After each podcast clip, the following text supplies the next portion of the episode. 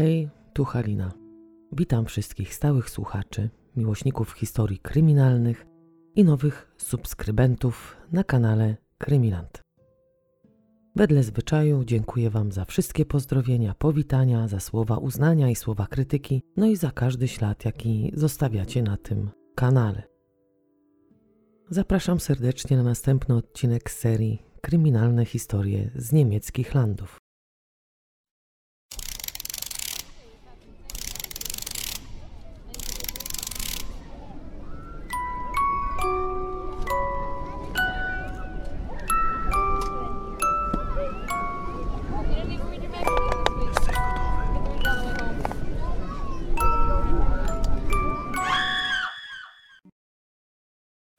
Miasteczku Tornysz, oddalonym o 16 km od Hamburga, przy jednym z domów krytych strzechą zatrzymał się samochód z obcą rejestracją.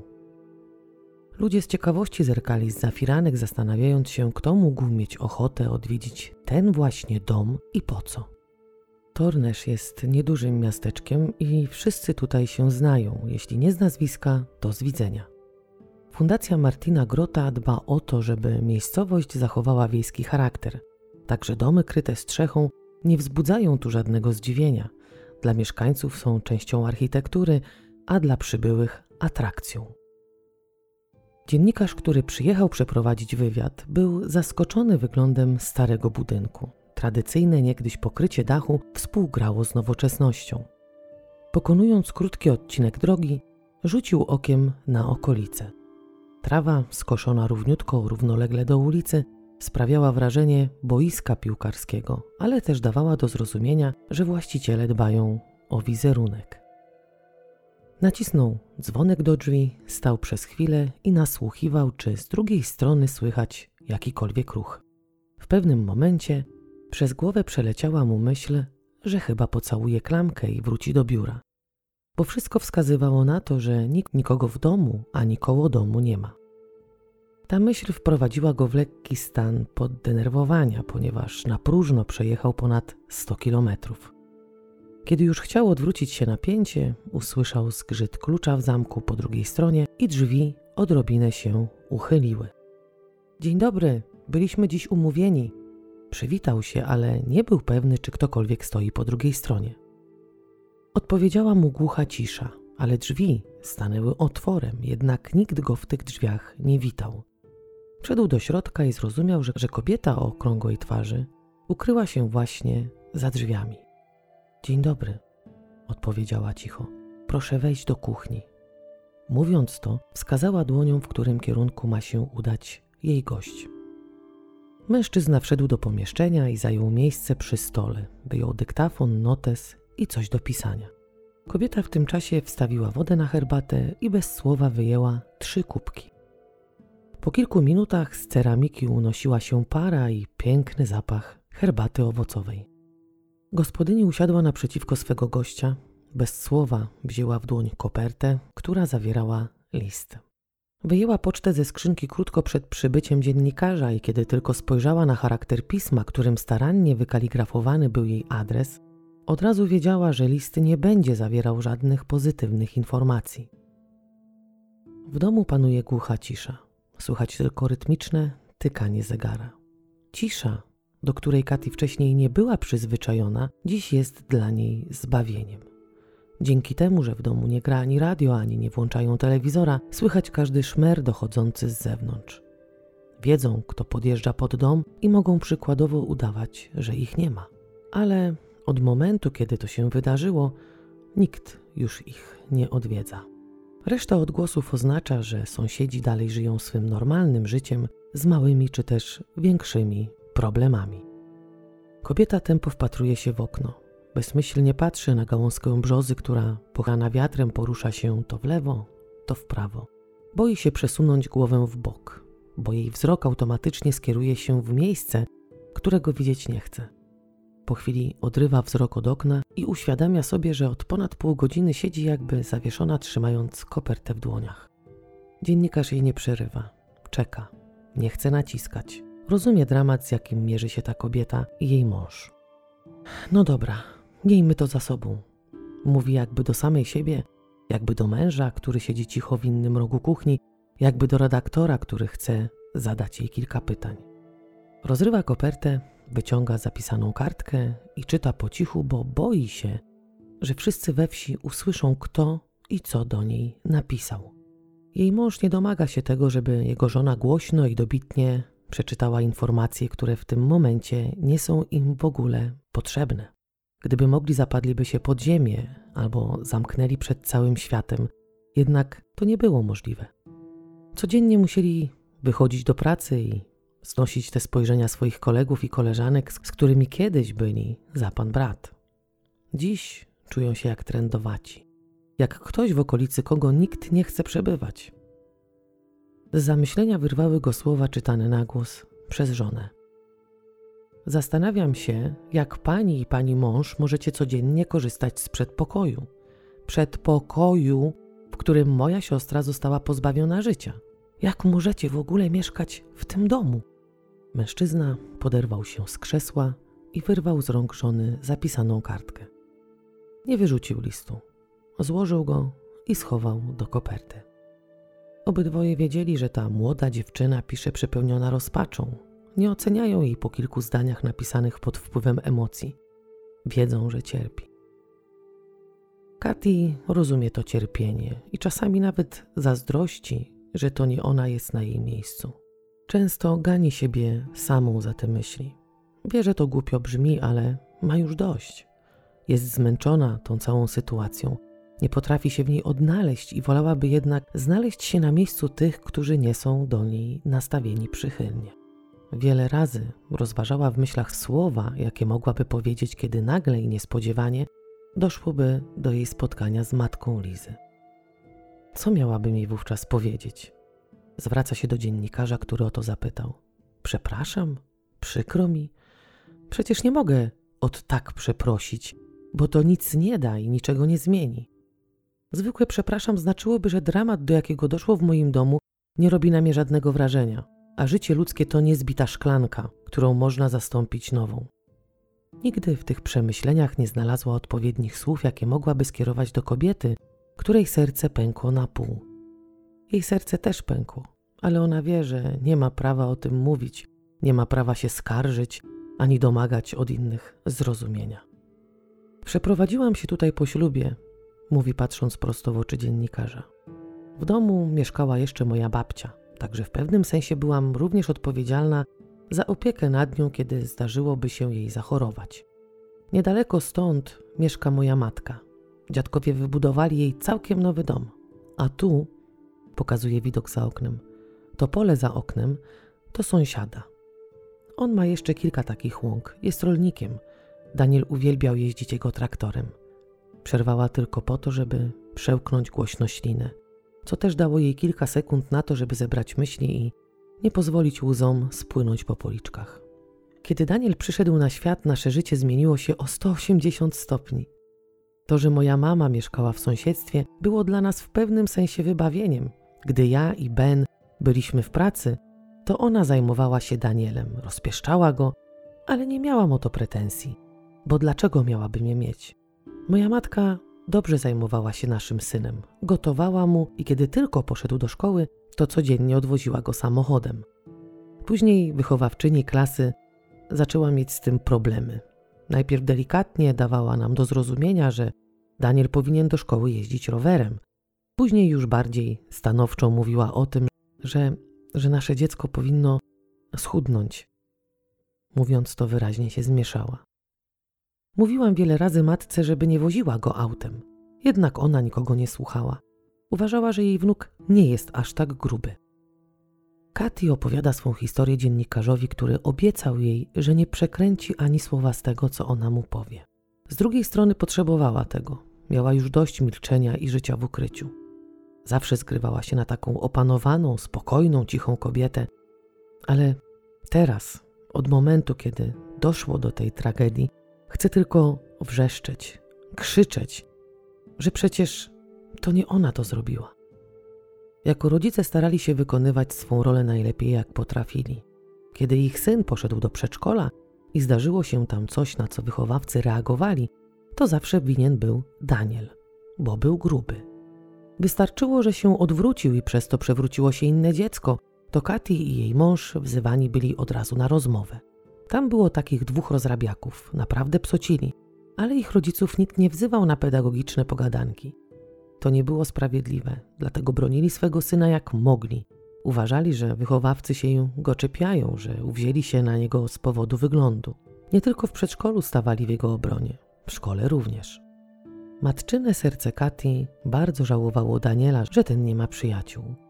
Przecież to był taki grzeczny chłopiec. W domu nigdy nie pyskował, był spokojny, a kiedy wracał ze szkoły i zobaczył swą babcię pracującą w ogrodzie, zaraz wszystko rzucał i leciał jej pomóc. Nigdy się nie spóźniał, zawsze wracał do domu na czas, nie było z nim żadnych problemów i uwielbiał pomagać sąsiadom w gospodarstwie. Martwiło nas to, że Daniel dorasta nie mając żadnego kolegi, z którym mógłby nawet coś narozrabiać, tak normalnie, jak to czasem dzieci rozrabiają, mówi dalej. W końcu postanowili zapisać syna do grupy taekwondo i do młodzieżowej grupy ochotniczej straży pożarnej. W Niemczech jest to dość popularne, kiedy dzieciaki w danej miejscowości czy też wsi należą do takich w cudzysłowie organizacji. Nie wszyscy oczywiście zostają, ale są tacy, którzy z pracą, jaką wykonują strażacy, wiążą swoją przyszłość. To jest dobre pod każdymi względami, ponieważ dzieci uczą się tam pracy zespołowej, uczestniczą w różnych akcjach, jakie są organizowane w osadzeniu drzew, zbieraniu śmieci. Dzieci mają tam naprawdę fajnie zorganizowany czas. Nie tylko poznają pracę strażaków, działanie sprzętu i zachowań w momencie, kiedy trzeba wyjechać na akcję. Młodzież również się tam bawi. Organizowane są obozy pod namiotami, wycieczki, wędrówki, zabawy, biegi na orientację, podczas których dzieci wykonują różne zadania. Oczywiście towarzyszą im strażacy. Wieczorami dzieciaki mogą pooglądać jakieś filmy w remizie, pograć w gry planszowe, można zagrać w siatkówkę czy też kosza. Jest również masa konkursów i zawody sportowe. To jest odpowiednie miejsce dla naszego syna. Tak myśleliśmy, kiedy go tam zapisaliśmy. Wierzyliśmy, że zintegruje się z innymi, pozwoli się poznać z innej strony, no i pozna jakiegoś kolegę czy też koleżankę. Kontynuuje swą opowieść Katy. Kobieta ciągle zastanawia się, gdzie mogli jako rodzice popełnić błąd. Być może za bardzo kochali syna, za bardzo starali się go ciągle chronić. No ale przecież nie robili nic złego.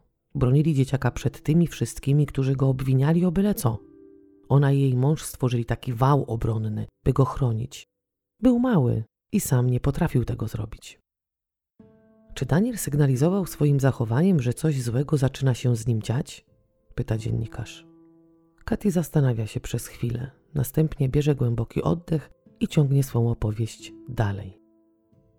Pewnego dnia Daniel przyprowadził do domu kolegę z klasy. Mieli wspólnie odrobić pracę domową, która dotyczyła insektów.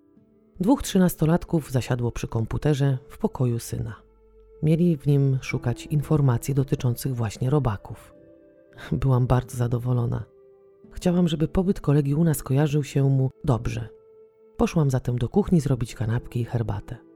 Kiedy weszłam do pokoju syna z talerzami zapełnionymi herbatą, kubkami, moim oczom ukazała się taka scena. Daniel trzyma zaciśnięte dłonie na szyi siedzącego obok niego chłopca, który nie mógł oddychać.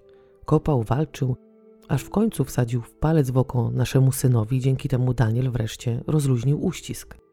Chłopiec wybiegł zapłakany i przerażony z naszego domu. Próbowałam go uspokoić i dowiedzieć się, co się stało, jednak dziecko wybiegło. Ojciec poszkodowanego chłopca nie był już miły, kiedy doszło do rozmowy. Robił wielki szum. My, rodzice, czuliśmy się jak dzieci w gabinecie dyrektora, który patrzy na nas z góry. To zachowanie nas ubodło, bo przecież nie wiadomo, czy kolega Daniela mówił prawdę. Ale ojciec chłopca zmieszał z błotem naszego syna, tak jak zawsze i tak jak inni.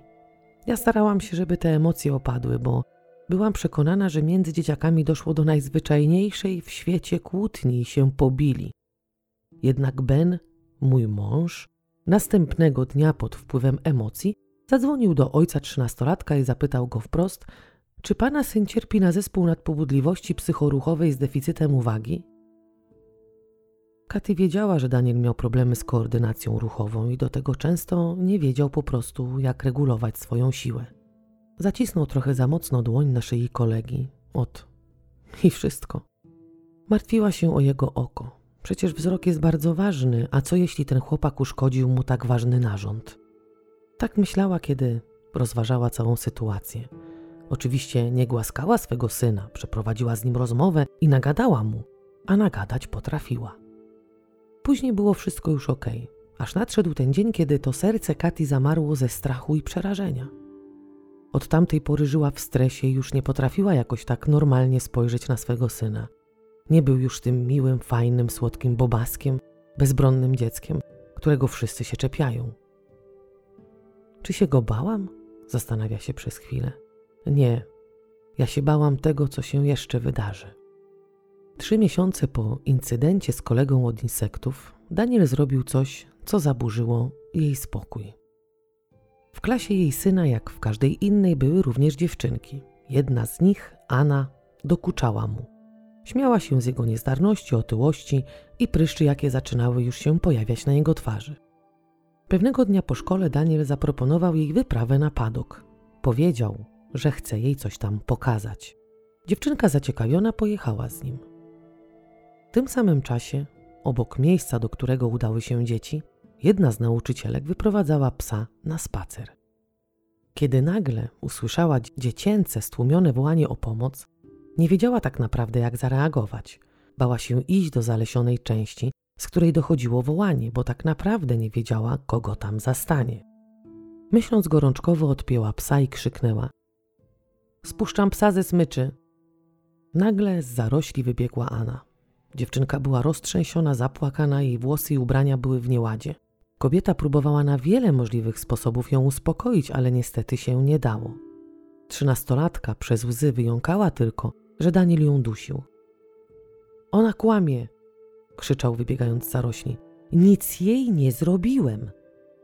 Nauczycielka zauważyła, że chłopak jest cały spocony i czerwony na twarzy. Nie próbował w jakikolwiek sposób się tłumaczyć czy uciekać do domu.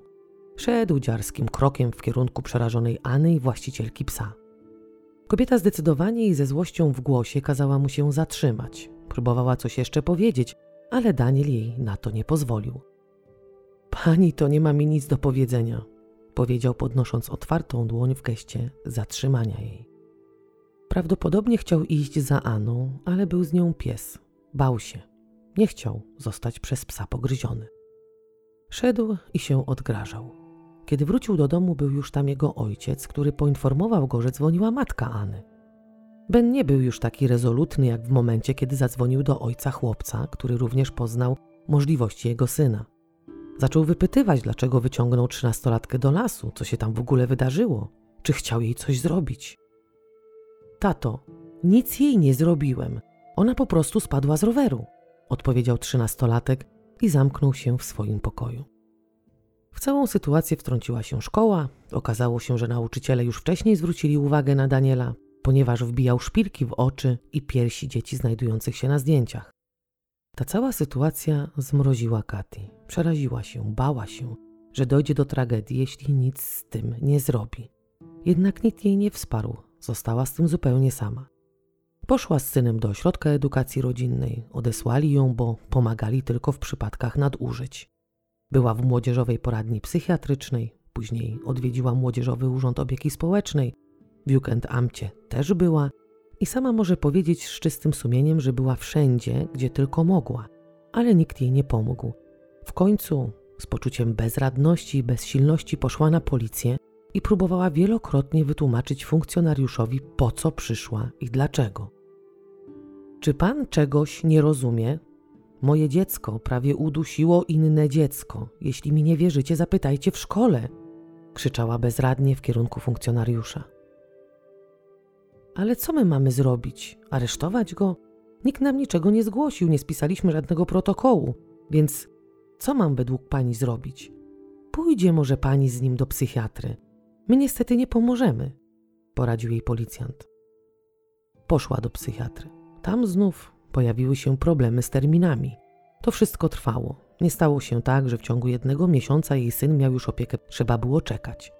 Kiedy w końcu się udało, Katy myślała, że będzie wszystko ok. Tak też mówiła psycholog, że Daniel jest już na dobrej drodze. Wierzyła w to, jak małe dziecko, uchwyciła się tych słów i starała się żyć normalnie. Po krótkim czasie lekarka zmieniła jednak miejsce pracy i terapie się zakończyły. Po incydencie z Aną zmieniliśmy Danielowi klasę, ponieważ dzieci, z którymi chodził do poprzedniej, nie dawały mu już spokoju.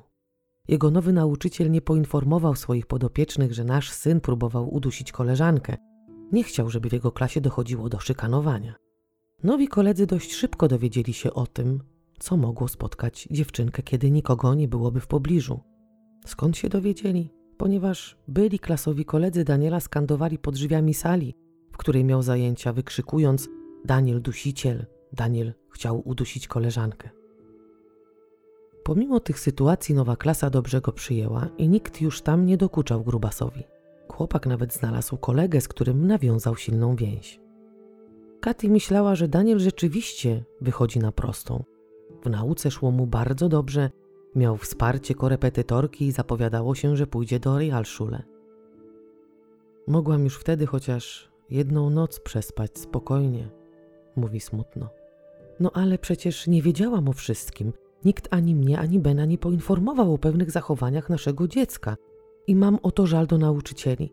O wszystkim dowiedzieliśmy się w trakcie prowadzenia śledztwa. Daniel wysyłał wiadomości do koleżanek, prosząc je o, o zdjęcia stóp. Mówił, że jego kolega potrzebuje tych fotek do projektu. Trzy dziewczynki się zgodziły, a reszta nie. Koledzy powiadomili nauczyciela o tym, co za pomocą Messengera Daniel wysyła dziewczynkom, ale Belfer nie powiadomił nikogo, po prostu zostawił to. Jak się później okazało, o czym nas również nie poinformowano, że Daniel, będąc na obozie i podczas kiedy inni spali, to macał im stopy. Stopy swojej ciotki też macał, jak był u niej na wakacjach. Dowiedzieliśmy się również, że rozprowadzał informacje na temat tego, że poszukuje aktorek do horroru. Dowiedzieliśmy się, kiedy było już za późno. Katy nie miała również pojęcia o tym, co jej syn ogląda w internecie. Nie wiedziała, że jego ulubionymi filmami na YouTube są takie, w których kobiety pozbawiane są życia na wiele różnych sposobów. Najbardziej kręciło go drganie stóp, kiedy na ich szyjach zaciskała się pętla. Oglądał te filmy zawsze rano, przed wyjściem do szkoły. To go zdecydowanie podniecało i raz nawet podczas oglądania szczytował. Matka sprawdzała mu komputer, ale nigdy nie znalazła tam nic strasznego, ani nic, co mogłoby ją w pewnym sensie zaniepokoić. Filmy, które polubiał i które umieszczał na swoim kanale na YouTube, były tylko o traktorach. Miała poczucie winy, że nie potrafiła tego znaleźć, ale kiedy rozmawiała ze śledczymi, ci zapewniali ją, że ona z pewnością nie znalazłaby tych filmów. Później pojawiła się ta kobieta. Powiedziała jakiemuś dziennikarzowi, że nie było trudno znaleźć filmy, jakie Daniel udostępnia i lajkuje. Miał je umieszczone na swoim koncie na YouTube i każdy mógł je zobaczyć. Śledczy zapytali mnie, czy Daniel, no, no, czy Daniel spał ze mną w jednym łóżku, powiedziała zmieszana, spuszczając wzrok. Ja im powiedziałam wszystko jak było, bo może w końcu dowiem się, co dolega mojemu dziecku. Staraliśmy się co wieczór wysyłać go do jego pokoju, ale to nic nie dało. Kiedy Ben, jej mąż, miał przykładowo nocną zmianę, wówczas nastolatek przychodził do niej i kładł się obok. Bardzo długo wówczas rozmawiali o szkole, o marzeniach i o różnych rzeczach, o których nie mogła z nim pogadać w ciągu dnia, bo pracowała do późna. Myślała, że on za nią po prostu tęskni. Teraz widzi to inaczej. Od kiedy nasz syn poszedł do grupy młodzików Ochotniczej Straży Pożarnej, może zraz słyszałam imię Lizy. Później przeczytałam wszystko na jej temat. Wszystkie artykuły na, na temat jej rodziny i tego, co mój syn jej zrobił. Liza Berenc była najstarszą z dwójki dzieci, jakie posiadali Ilona i Niko. Osiemnastolatka była dla swojej młodszej siostry autorytetem i pomimo iż czasami dochodziło do siostrzanych kłótni, to i tak nie mogły się długo na siebie gniewać i mówiąc krótko, nie mogły bez siebie żyć. Liza była piękną dziewczyną, za którą jej rówieśnicy wodzili oczyma. Jej matce nawet to się podobało, ponieważ była bardzo dumna ze swoich córek i tego, że, że jej najstarsza pociecha, mimo powodzenia jakie miała, trwała wiernie przy swoim chłopaku Janie. Ilona i Liza były przyjaciółkami. Dziewczyna zwierzała się matce ze wszystkiego i nie miała przed nią żadnych tajemnic. W sumie rodzicielka nie przekraczała granic w tej przyjaźni. nie wtykała nosa we wszystkie sprawy swej córki, ale kiedy tylko ta chciała z nią pogadać, zawsze znalazła dla niej czas. Rodzice osiemnastolatki przyjęli chłopaka córki z otwartymi ramionami i nie mieli nic przeciwko temu, żeby zamieszkał u nich w domu. Tak czy siak nazywali go już zięciem. Liza udzielała się w różnych organizacjach, które miały na celu pomoc innym. W 2012 roku Liza Marie została na próbę przyjęta do Młodzieżowej Straży Pożarnej. Rok później została już członkiem straży, a w styczniu została przyjęta do służby czynnej. To właśnie podczas jednych z ćwiczeń poznała Jana. Osiemnastolatka była już zdecydowana i wiedziała, co chce robić w przyszłości. Wcześniej odbyła praktyki jako recepcjonistka w gabinecie chirurgii urazowej i uczestniczyła w małych operacjach, ale postanowiła jednak zostać ratownikiem medycznym. Daniel właśnie tam poznał Lizę. Była starsza od niego o dwa lata. Nastolatek był nią szczerze zainteresowany. Wysyłał jej codziennie pozdrowienia zaopatrzone w masę serduszek. Pisał do niej: Moja ty piękna.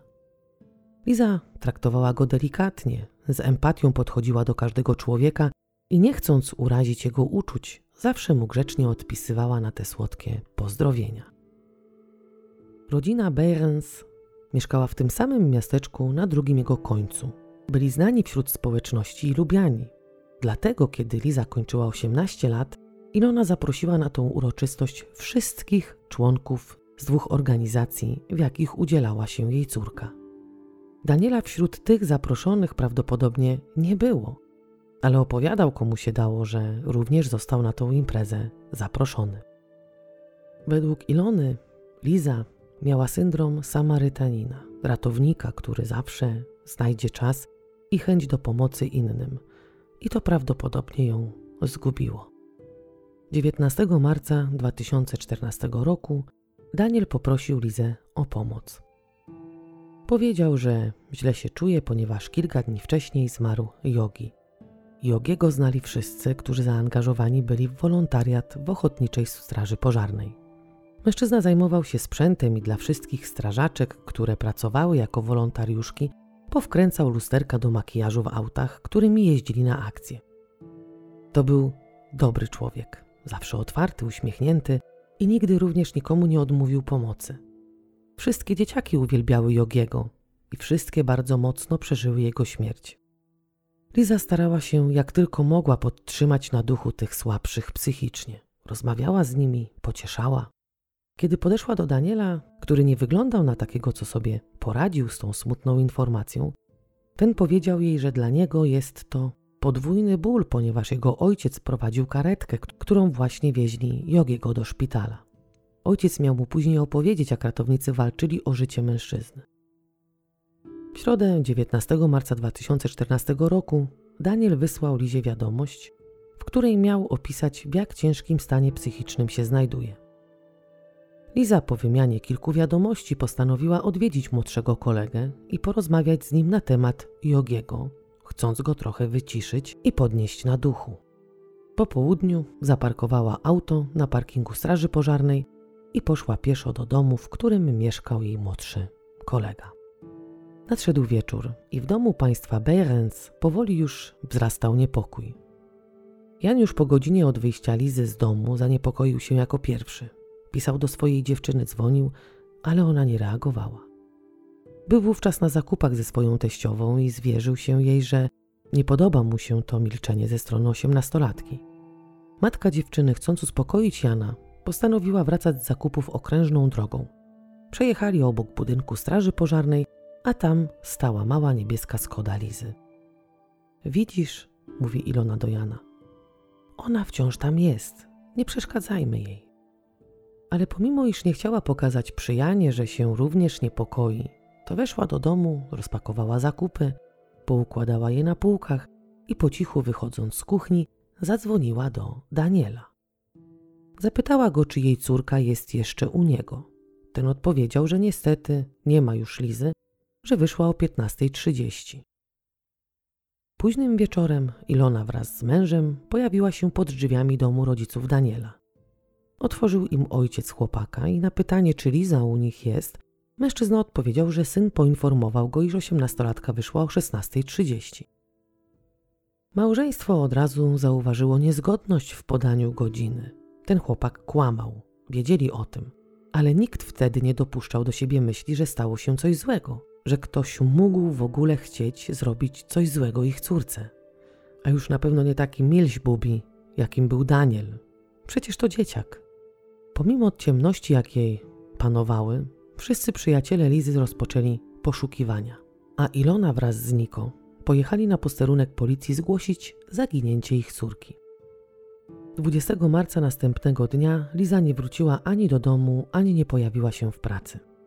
Za pomocą portali społecznościowych informacja o zaginięciu osiemnastolatki rozeszła się bardzo szybko, a policja już w tym czasie wzywała ludzi do pomocy w poszukiwaniach i zgłaszania informacji na temat tego, gdzie mogłaby przebywać zaginiona. Następnego dnia ponownie rozpoczęto poszukiwania, w których wziął udział Daniel. 180 wolontariuszy przeczesywało pola, lasy, zaglądało pod żywopłoty, przemierzało masę kilometrów. Miejscowy rzeźnik przywiózł wolontariuszom chleb, żeby mogli w przerwie się posilić. Podczas tych poszukiwań, które rozpoczęły się wczesnym rankiem, szef ojca zaginionej osiemnastolatki pożyczył mu helikopter, który przelatywał raz za razem nad domem Daniela i polami znajdującymi się w okolicy. W śmigłowcu siedział ojciec Lizy wraz z kolegą i pilotem. Helikopter nie posiadał żadnej kamery termowizyjnej. Było jasno i mężczyźni z góry bez problemu rozpoznawali uczestników poszukiwań. Także jeśli gdzieś byłaby Liza, z pewnością by ją zauważyli. Jeden z psów tropiących podbiegł do drzwi domu krytego strzechą, drapał, skakał i nie podjął już żadnego innego tropu. Pies już za pierwszym razem dał im sygnał. Dobiegł do naszych drzwi. My byliśmy w domu i oglądaliśmy telewizję. Czułam lekki niepokój w sercu, ale przecież Daniel zachowywał się już normalnie, więc odpychałam te myśli od siebie. Snuje swą opowieść Katy. Nikt nie uważał Daniela za sprawcę. Jedynie ojciec zaginionej miał względem jego osoby pewne podejrzenia. Kiedy podczas poszukiwań stanął naprzeciwko szesnastolatka, coś mocno zakłuło go w brzuchu. Jednak jego żona to zlekceważyła, mówiąc, że Daniel to jeszcze dzieciak z przysłowiowym mlekiem pod nosem, a nie ktoś, kto mógłby chcieć zrobić komukolwiek krzywdę. Funkcjonariusze, którzy z nim rozmawiali, również uważali go za miłego i nieszkodliwego dzieciaka. Za pomocą mediów rozgłoszono informacje o zaginięciu pięknej młodej dziewczyny i podano dane do kontaktu. Wśród numerów telefonów znajdował się również e-mail matki Lizy. I od tego czasu kobieta otrzymywała informacje dotyczące tego, gdzie widziano jej córkę. Widziano Lizę w furgonetce przejeżdżającej przez jedno z sąsiednich miast. Widziano ją na tarasie jednego z domów, na moście, w innym mieście i w wielu miejscach w Niemczech. Raz nawet zadzwoniła do Ilony wróżka, która powiedziała, że jej córka żyje, ale jest bardzo słaba, żeby się spieszyli, że leży gdzieś w zimie i wilgoci. Kobieta nie wierzyła w wróżki, ani żadnych innych jasnowiców. Jednak tym razem ta informacja dała jej siłę. Chciała wierzyć w to, co kabalarka jej przekazała. Ona sama przez kilka dni jakby czuła obecność swej pierworodnej. Później, kiedy Niko pytał, czy nadal czuje Lizę, ta odpowiadała, nie chcąc go ranić, że tak, oczywiście, jednak prawdą było to, że już jej nie czuła. Podczas gdy policja przesłuchiwała znajomych, czy może wiedzą cokolwiek na temat zaginionej, może zwierzała się komuś ze swoich problemów, czy mówiła coś, co może być ważne i może pomóc ją znaleźć, wówczas Daniel powiedział stróżom prawa, że, że tego dnia, kiedy się z Lizą widzieli, ona zwierzyła mu się, że ma problemy ze swoim chłopakiem Janem. Daniel nie bardzo wiedział, o co konkretnie chodzi, nie wypytywał, jakie to są problemy, ale tak właśnie powiedziała osiemnastolatka. Szesnastolatek podczas rozmów z dziennikarzami nawoływał zrozpaczony: Lizo, prosimy cię, wróć do domu. I wtedy właśnie pojawiła się jedna z mieszkanek miasteczka. Kobieta śledziła na bieżąco poczynania policji i poszukiwania zaginionej dziewczyny.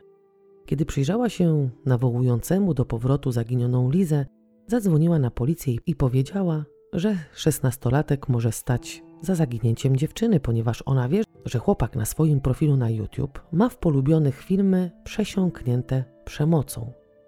Kobieta zwierzyła się stróżom prawa z tego, że takich strasznych filmów nigdy nie widziała. że chłopak w jego wieku powinien być może mieć w ulubionych raperów czy też muzykę disco, a on miał tylko te filmy i może jeden pokazujący auta strażackie jadące na akcję. Policja przyjęła informację, zapisali nazwę kanału szesnastolatka i podziękowali kobiecie za czujność. W poniedziałek o godzinie 14, chyba setny raz, penetrowano okolice domu, w którym zaginiona spotkała się z kolegą. Funkcjonariusze wraz z psami tropiącymi przeszukiwali pomieszczenia, dom, podnosili pokrywy włazów i zaglądali w każdy kąt. Kiedy mundurowi weszli do stodoły i chcieli przeszukać antresole, Ben natychmiast zaprotestował, ponieważ tego samego dnia przed południem zabezpieczył zmurszałe deski. Jeden z funkcjonariuszy mówi zatem, że to nic, on tylko przystawi drabinę i z pozycji drabiny rozejrzy się po antresoli, bo może tak się zdarzyć, że Liza się tam ukryła. Nie znaleziono jej martwej, więc cały czas traktowano ją jako żywą i mogło również zdarzyć się tak, że ze strachu przed konsekwencjami, jakie mogłaby ona i jej rodzina ponieść za te akcje poszukiwawcze, gdzieś się po prostu schowała. Ojciec Daniela był nieugięty, nie zgodził się na to przeszukanie. Policjanci byli bardzo zdziwieni i mieli nieodparte uczucie, że mężczyzna ma coś do ukrycia. W stodole znaleziono trampki, które były bardzo podobne do tych, jakie miała na sobie Liza 19 marca. Gospodarz, nie czekając na pytanie, powiedział, że buty należą do jego żony. Dwie godziny później wszyscy zaangażowani w poszukiwania skierowali się znów w kierunku pól znajdujących się za domem krytym strzechą. Przeszli 50 metrów i na skraju pola, tego po którym Daniel lubił jeździć traktorem sąsiada, znaleźli nagie zwłoki. Funkcjonariusze od razu uznali, że jest to ciało poszukiwanej od pięciu dni osiemnastolatki, jednak według procedur ciało trzeba było zidentyfikować, a takiej identyfikacji dokonuje się już po przeprowadzonej sekcji zwłok. Zanim zwłoki trafiły w ręce patologów, miejsce znalezienia ciała musieli zbadać specjaliści wraz ze śledczymi. Wieści dość szybko się rozchodzą i równie szybko na miejsce przybyli rodzice Lizy wraz z jej siostrą. Kiedy w środę wypytywano naszego syna o to, czy, czy wie, gdzie jest Liza i o której wyszła, i kiedy ci wszyscy ludzie ciągle i ciągle kręcili się wokół naszego domu, Daniel w pewnym momencie powiedział, że teraz znów to on będzie winny. Ogólnie był jakiś taki rozpalony, poddenerwowany, ale myślałam, że to od mojego gadania, bo ja mu dość często prawiłam kazania. Podsumowała Katy. Ale jak to może być, że przez te pięć dni niczego nie zauważyłaś? Tym bardziej, że twój syn wcześniej dawał sygnały, że może dokonać tego, co nie udało mu się zrobić z Aną. Tym bardziej, że ostatnim miejscem, gdzie widziano ją żywą, był wasz dom. A ostatnim człowiekiem, który mógłby coś więcej na, na ten temat powiedzieć, był wasz syn, zapytał dziennikarz. Ja, ja, ja nic nie zauważyłam. Nie wiem dlaczego. Nie potrafię tego wytłumaczyć. Ja tego wszystkiego, co działo się przed, nie połączyłam z tym, co się wydarzyło, odpowiedziała Katy. Za chwilę dodała z nutą żalu w głosie poniedziałek ja i Ben musieliśmy znów wcześnie wyjść do pracy. Ani przez moment nie pomyślałam, że powinnam zostać, bo do szkoły przyjdzie po Daniela policja. Nie było mnie przy nim. A to, co powiedziała moja matka, kiedy znaleźli ciało Lizy, zaogniło tylko nienawiść, jaką całe miasteczko zapałało w stosunku do nas. Co ta dziewczyna narobiła? Skrzywdziła naszego syna. Tak właśnie moja matka powiedziała. Daniel w poniedziałkowy poranek został zabrany ze szkoły i odwiedziony na przesłuchanie. W tym samym czasie trwały jeszcze poszukiwania i praktycznie w tym samym momencie, w którym znaleziono zwłoki, przyznał się do tego, że to on pozbawił dziewczynę życia. To był dla nas szok. Byliśmy niepewni. W stosunku do Daniela mieliśmy nie do końca pozytywne odczucia, ale też niecałkowicie negatywne. Przecież to nasz syn. Może mi pan nie wierzyć, ale codziennie myślę o tej dziewczynie, o tym, jak jej rodzice i siostra muszą cierpieć. Budzę się rano i przez chwilę, przez kilka sekund myślę, że wszystko jest ok, że to wszystko mi się śniło, że zaraz w kuchni spotkam się z Danielem i będziemy rozmawiać o tym, jakie kto ma plany na resztę dnia. Jednak po tych kilku sekundach przychodzi taki wewnętrzny cios. Żołądek podchodzi do gardła i serce zaczyna walić jako szalałe. W głowie tysiąc myśli i te mówiące o tym, że nic nie jest ok, że nie jest dobrze. Już nigdy nie będzie. Myślę o Lizie, o Ilonie, Niko i Lei. My pomimo wszystko mamy Daniela. Codziennie wieczorem rozmawiamy ze sobą przez telefon, a co trzy tygodnie możemy go odwiedzać i spędzać z nim półtorej godziny. A oni nie mają i nie będą już mieli Lizy. To jest straszne. We wrześniu 2014 roku rozpoczął się proces i z tego powodu, że sprawcą był nieletni, sąd postanowił przeprowadzić rozprawę ze zamkniętymi drzwiami. 24 września prokurator przedstawił zebranym na sali przebieg zbrodni. 19 marca 2014 roku Daniel był przeziębiony, więc nie poszedł tego dnia do szkoły. Rano jak zawsze obejrzał filmy, które miał w swoich polubionych na profilu YouTube, zaspokoił się przy jednym z nich i po tym jak zjadł śniadanie, napisał do Lizy SMS-a. W wiadomości tekstowej ciągle pisał o swoim stanie psychicznym, jak jest mu ciężko z powodu śmierci Jogiego i jak bardzo przeżył to, co opowiedział mu ojciec, który miał prowadzić karetkę. Informacja o ojcu kierowcy karetki była kłamstwem, ponieważ mężczyzna nigdy nie prowadził tego typu auta. Liza, chcąc pomóc młodszemu koledze, umówiła się z nim, że po południu przyjdzie do niego i porozmawiają. Około godziny 15 osiemnastolatka wyszła z domu i udała się na drugi koniec wsi. Zaparkowała na parkingu należącym do budynku straży pożarnej, który mieścił się niedaleko domu jej młodszego kolegi. Kiedy weszła do domu, krytego strzechą, szesnastolatek zaproponował jej coś do picia i coś do jedzenia. Liza odmówiła, co dla Daniela było sygnałem, że dziewczyna nie zamierza zostać długo. Chwilę pogadali, pożartowali i kiedy osiemnastolatka odwróciła się do swego oprawcy plecami, ten chwycił ją od tyłu za szyję i zaczął dusić. Dziewczyna broniła się jako szalała. Krzyczała, szarpała, próbowała wyrwać z uścisku. Nic to jednak nie dało. Po kilku minutach leżała już na podłodze. Wówczas Daniel usiadł jej na klatkę piersiową i zacisnął dłonie na jej szyi. Kiedy było już po wszystkim, rozebrał ją do naga, wszystkie jej ubrania wsadził do worka i przechowywał na strychu rodzinnego domu. Po pozbawieniu swej ofiary życia, nie wykorzystał jej seksualnie, zajął się jej stopami, bo to one były jego celem. Później zapakował ją na wózek i wywiózł na pole kukurydzy znajdujące się 50 metrów od miejsca zbrodni. Daniel potwierdził wszystko i przyznał się do popełnienia czynu. Sam nie pamięta całego przebiegu, ma przebłyski. Pamięta, że nie mógł puścić uścisku, nie zauważył jej krzyków ani tego, że już rzęziła. Pamięta natomiast, że go kopnęła i że razem upadli na podłogę. Następny urywek to jak siedzi na niej kolanami i uczucie jakby ktoś lub coś trzymało jego dłonie na jej szyi i zaciskało coraz mocniej i mocniej. Kolejny to widok leżącej przed nim nagiej martwej dziewczyny. I w taki sposób relacjonował przebieg zbrodni przed sądem, aż do momentu odwiezienia ciała na pole kukurydzy. Jego zeznania składały się z tych właśnie urywków, kawałków, według których prokurator i po przeczytaniu raportu śledczych złożył w całość. Pomimo, że nie wykorzystał seksualnie Lizy, motywem dokonania zbrodni było zaspokojenie popędu seksualnego. Prokurator, śledczy, jak i ludzie biorący udział w poszukiwaniach zarzucają stojącemu przed sądem szesnastolatkowi, że zeznaje nieprawdę, mówiąc, że tego samego dnia przed rozpoczęciem poszukiwań załadował ciało dziewczyny na wózek i wywiózł na pole dawno skoszonej już kukurydzy. Nie wierzą, ponieważ to miejsce było wielokrotnie przeszukiwane. Osoby siedzące w helikopterze i wypatrujące zaginionej również nie zauważyły ciała, pomimo iż wielokrotnie przelatywano nad terenem domu rodzinnego Daniela. Psy tropiące również jej nie znalazły. Młodociany sprawca jednak zapewnia, że natychmiast po pozbawieniu życia osiemnastolatki Wywiózł ją z domu i umieścił w miejscu, w którym ją znaleziono. Miał cały czas nadzieję, że szybko ją znajdą, jednak ku jego zdziwieniu nastąpiło to dopiero pięć dni później.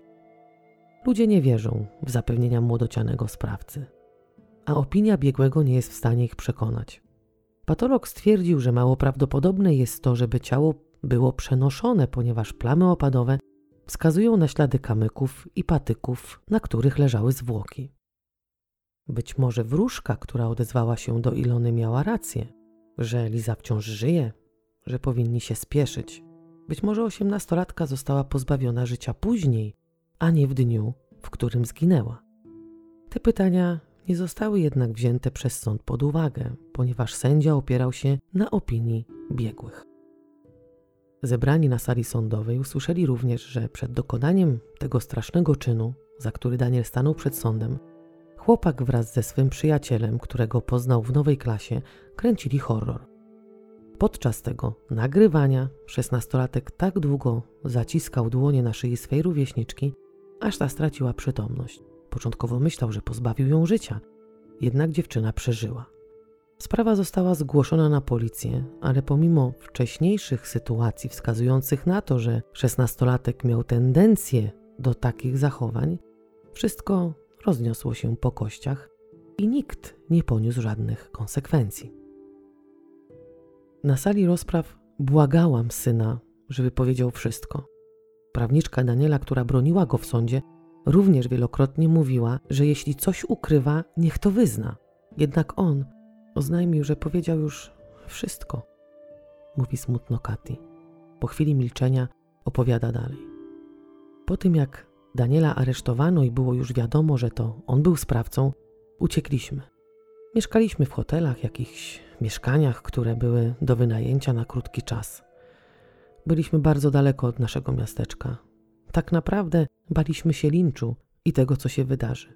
Będąc daleko od domu, nie do końca czuliśmy się bezpiecznie, bo raz siedząc w kawiarni, kelnerka przynosząca nam kawę pochyliła się nad nami i powiedziała: Słyszeli Państwo o tym morderstwie w Tornesz?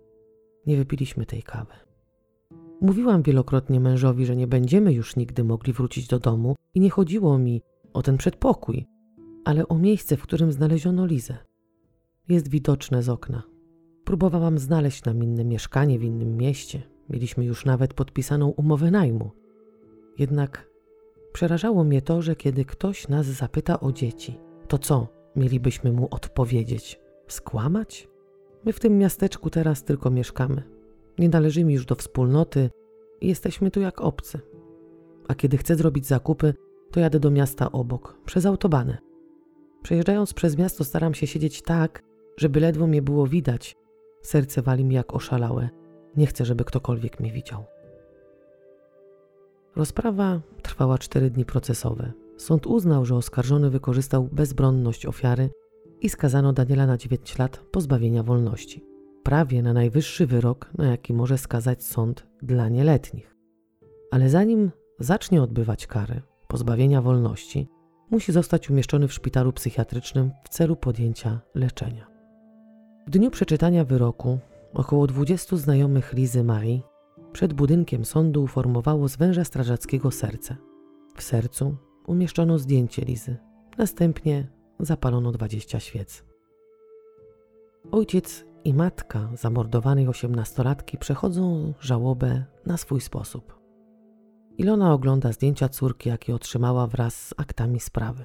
Narysowała nawet ciało Lizy i opisała wszystkie ślady, jakie sama widzi na zdjęciach. Wiele razy chciała, żeby mąż pomógł w przeglądaniu akt, które przejrzała już tysiąc razy i spisała wszystko, co jest dla niej niejasne. Ten wówczas pytał ją, dlaczego ona nie towarzyszy mu na cmentarzu podczas porządków czy też sadzenia kwiatów na grobie jej wspólnej córki. Mężczyzna ma uczucie, że Liza towarzyszy mu za każdym razem, kiedy idzie z nowymi kwiatami na jej grób, bo wtedy nigdy nie pada deszcz. Codziennie odwiedza swoją córkę na cmentarzu, a czasem ma wrażenie, że widzi ją siedzącą na kanapie i uśmiechającą się do niego. Małżeństwo początkowo reagowało na siebie samych z dość sporą irytacją. Każdy chciał, żeby ten drugi przeżywał żałobę w taki sam sposób. Ich młodsza córka, która napisała list do matki mordercy, również radzi sobie na swój sposób ze stratą siostry. Ta strata dotyka wszystkich: rodziców Lizy, jej siostry, bliskich znajomych dziewczyny, jej chłopaka, rodziców Daniela i mieszkańców miasteczka. Katy i Ben już od dawna nie mieszkają w Tornesz. Jestem bardzo ciekawa, co sądzicie na temat tej sprawy. Jak zawsze życzę Wam wszystkiego dobrego i do usłyszenia wkrótce.